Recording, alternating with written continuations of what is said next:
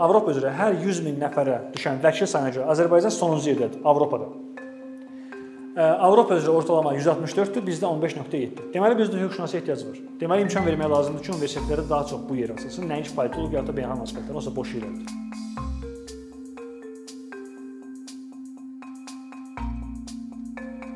Azərbaycanda təhsillə bağlı ictimai müzakirələrdə adətən səsləndirilən fikir bundan ibarət olur ki, dövlət büdcəsindən təhsilə daha çox pul ayrılmalıdır və bunun üçün də deməli təhsilin keyfiyyəti artırılmalıdır. Lakin müzakirə edilməyən yaxud da kifayət qədər müzakirə edilməyən digər məsələ bundan ibarətdir ki, bu ayrılan pul hansı məqsədə xidmət etməlidir və hansı təhsil pillələri üzrə ayrılmalıdır. Bir neçə ay əvvəl Bakı Araşdırmalar İnstitutunda mən və Fərid Mehrazadənin yazdığı bircə məqalə dərc edildi və həmin məqalədə biz məhz bu iki suala fokuslamağa çalışdıq. Ümumi desək, dövlətin təhsil siyasəti necə olmalıdır? Konkret desək, dövlətin təhsilə ayırdığı pul hansı istiqamətlərə xərclənməlidir? Və e, əvvəlcə problemlə e, tanış edim sizi. Azərbaycanda təhsilin bir çox problemi var. Bura e, deyilə bilər ki, Azərbaycanda kifayət qədər kadr yoxdur, yaxud da deyilə bilər ki, Azərbaycanda xüsusən də ali təhsillə bağlı deyilə bilər ki, rüşvət var, yaxud da müəllimlər yaxşı ingilis dilini bilmir və s. Qısası bir çox problem sadalana bilər, akademik azadlıq yoxdur və s. Lakin biz bu problemlərə toxunmuruq. Fəridlə bizim gümanımız ondan ibarətdir ki, hesab edək ki, Azərbaycanda bu problemlərin heç biri yoxdur, hamısı həll olundu. Bəs bunlar həll olunandan sonra məsələ həll olurmu? Bunlar həll olunandan sonra Azərbaycan təhsili inkişaf etməyini gözləməyimiz ağlabatandırmı, yoxsa yenə nəsə dəyişikliyə ehtiyac varmı? Və biz hesab edirik ki, dəyişikliyə ehtiyac var. Nəyə görə? Əvvəlcə bunu göstərim. Deməli 2022-ci ildə təhsil dövlət büdcəsindən təhsilə ayrılan xərclərdir. Büdcənin təxminən 13% bizə təhsilə ayrılır və burdan da gördüyünüz kimi həmin təhsilə ayrılmış pulun yarıdan çoxu gedir orta məktəblərə, ümumi təhsilə. Təxmini 1-2% də gedir peşə məktəblərinə, orta ixtisas, yəni texnikumlara və ali məktəblərə, universitetlərə. Gördüyünüz kimi, yəni məktəbdən sonra şagirdlərin yaxud abituriyentlərin təhsili üçün çox cüzi pul ayrılır. Və nəzərə alsaq ki, Azərbaycanda ali məktəblər heç də kənardan çox tələbə qəbul etmir və özlərinin özlərinin təhsil haqqısı da Azərbaycanda ortalama 2300 manatdır.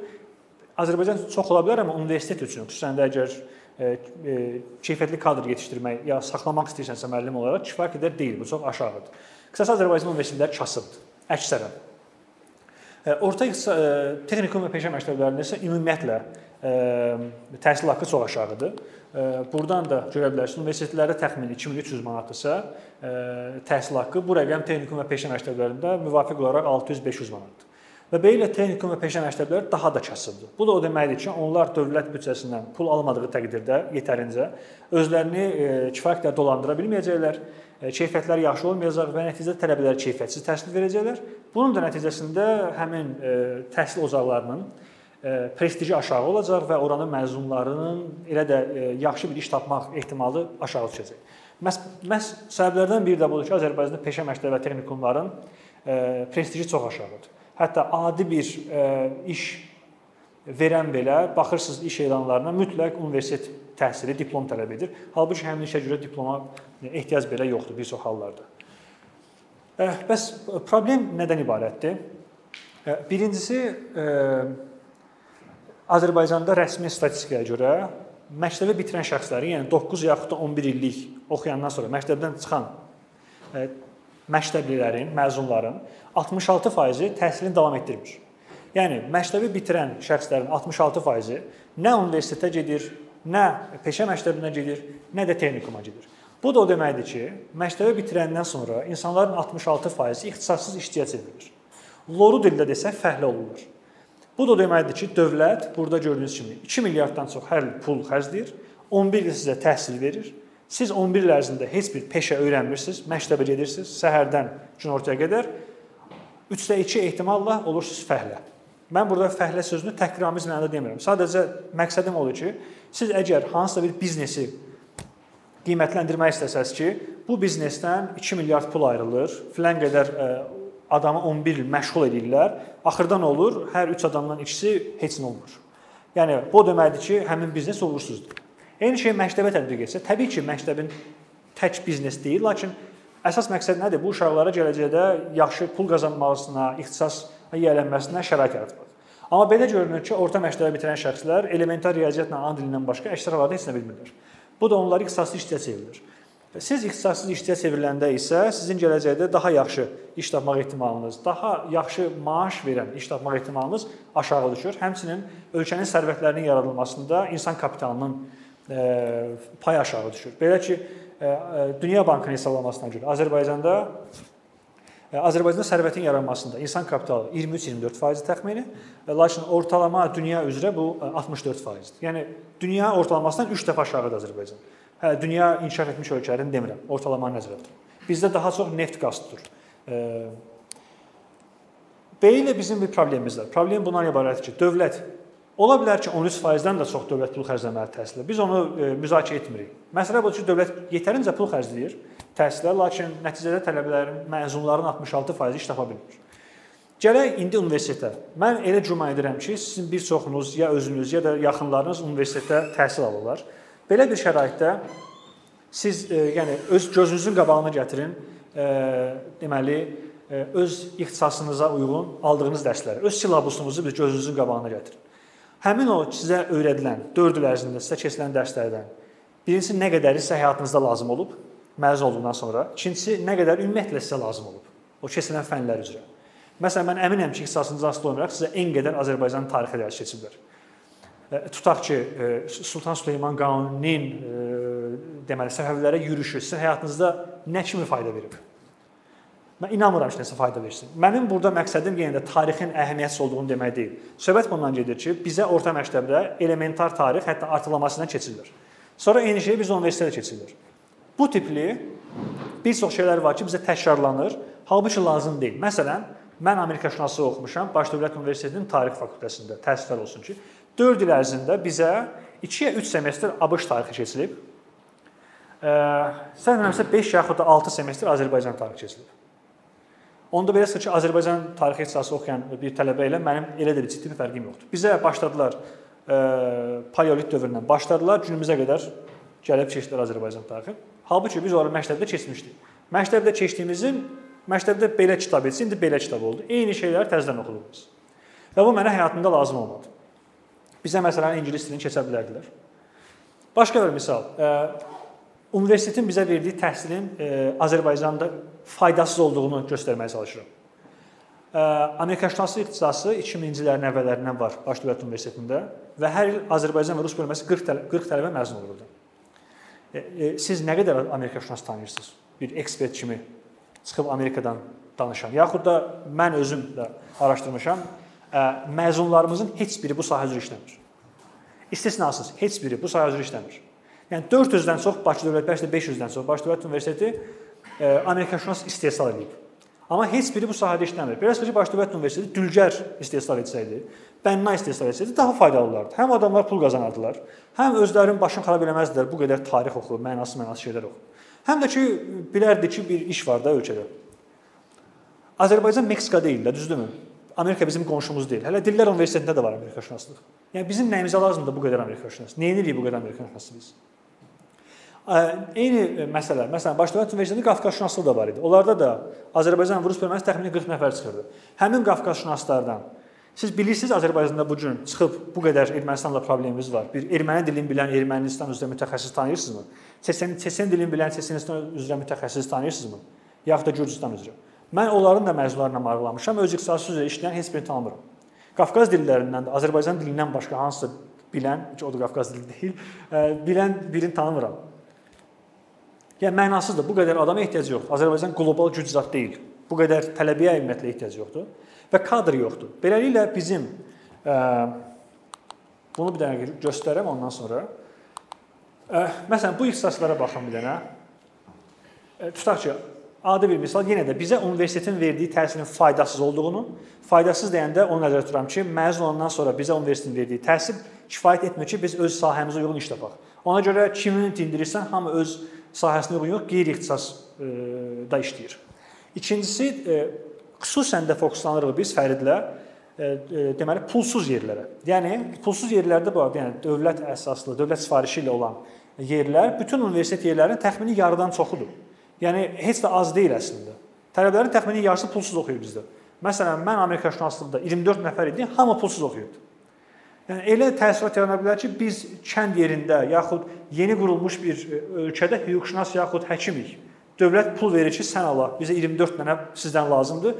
Biz nəyi Amerikaşünas, heç nə. Məzunlarımız ingiliscə bilmirdi. Bizim müəllimlərimiz ingiliscə bilmirdi. Nə bilim, ispanca bilmirdi. Halbuki bu adamlar Amerika və Avropa Xalqları Kafedrasiyasının müəllimləridir.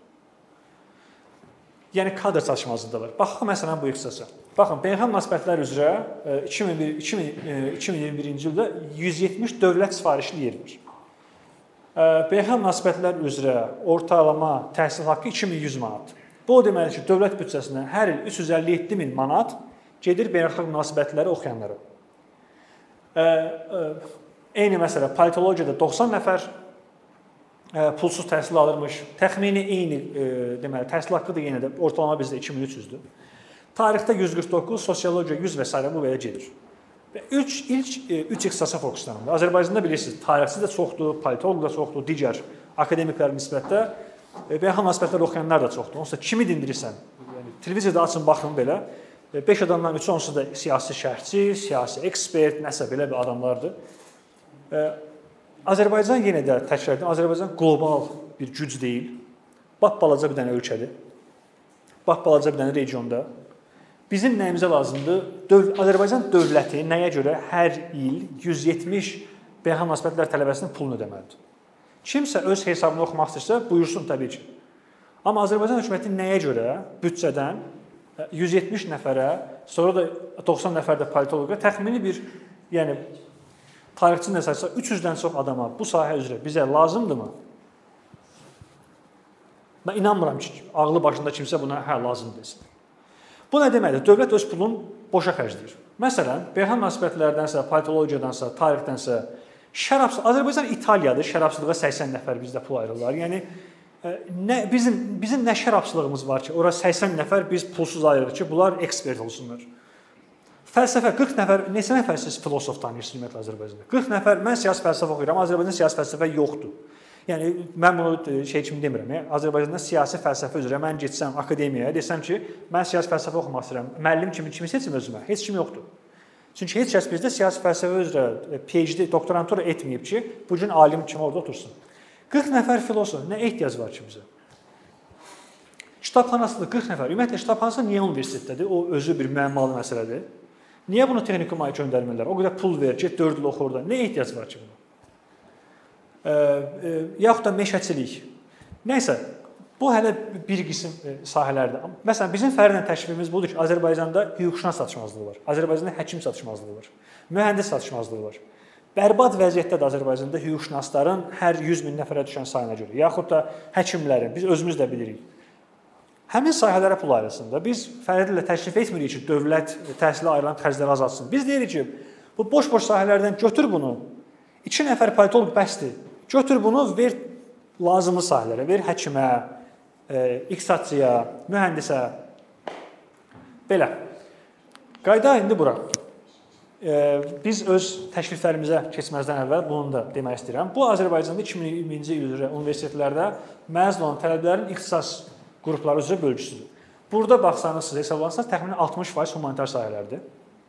Və burada hər 4 e, belə deyək, universitet məzunundan biri müəllimlik üzrə oxuyur.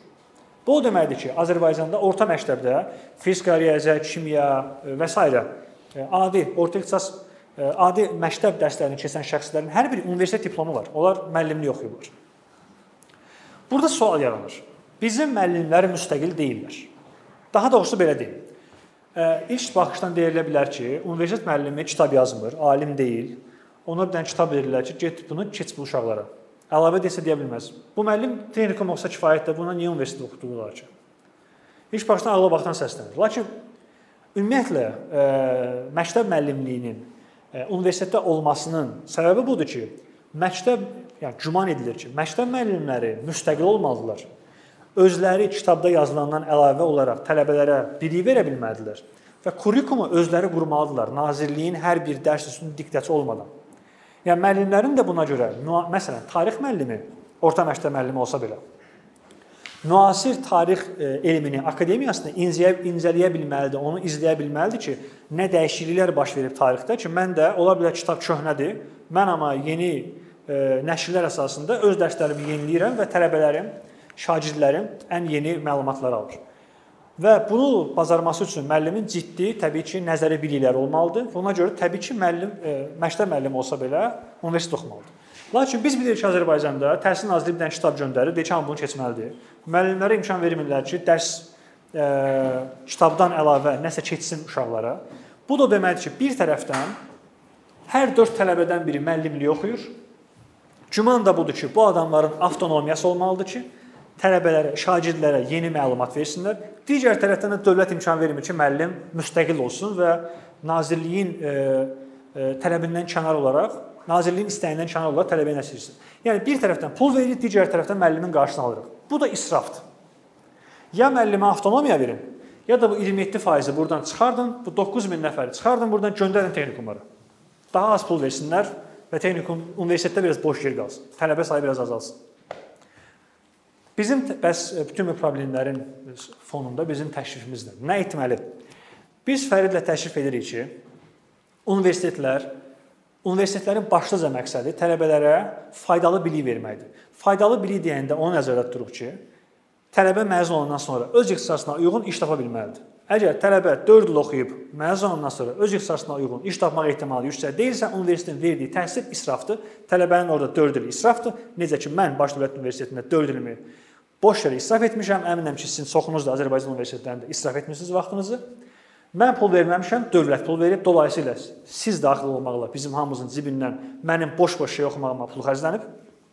Həmçinin digərlər, digər Amerika şünaslarında biz təklif edirik ki, özəl universitetlər yaxud e, ödənişli əsaslarla kim nə oxuyur oxusun, bizə maraqlı deyil. Dövlət əsaslı, dövlət e, sifarişi ilə oxuyan tələbələrə Universitetin başlıca məqsədi faydalı bilik verməkdir. Biliyin bir çox məqsədi ola bilər. Bilik insanın dünya görüşünü artıra bilər, bilik insanın e, e, müəyyən çətin intellektual suallara cavab taparaq həzz almasına səbəb ola bilər və s. Amma bizim heç birimiz varlı deyilik ki, deyək ki, gedim pulum var onsuz da, gedim universitetə bir sənət tarixi oxuyum bir 2 il, 4 il, nə bilim, Roma tarixindən gedim seminarlara, pul verim ora, diplom alım. Bizim belə bir imkanımız yoxdur. Biz hamımız kasıb ailələrdən gəlirik, çünki Azərbaycan kasıb bir ölkədir. Biz 4 il universitetə ona görə gedirik. 2 il ona görə pul xərcləyirik repetitorlara, 4 ildə ona görə universitetə gedib gəlirik ki, qutarandan sonra yaxşı bir iş tapa bilək. Bu da o deməkdir ki, universitet bizə borcludur ki, bizə faydalı bilik versin. Bu bir. Yəni bizim gözləntimiz var. 2. Universitetlər həmişə öz tələbələri ilə fəxr edirlər.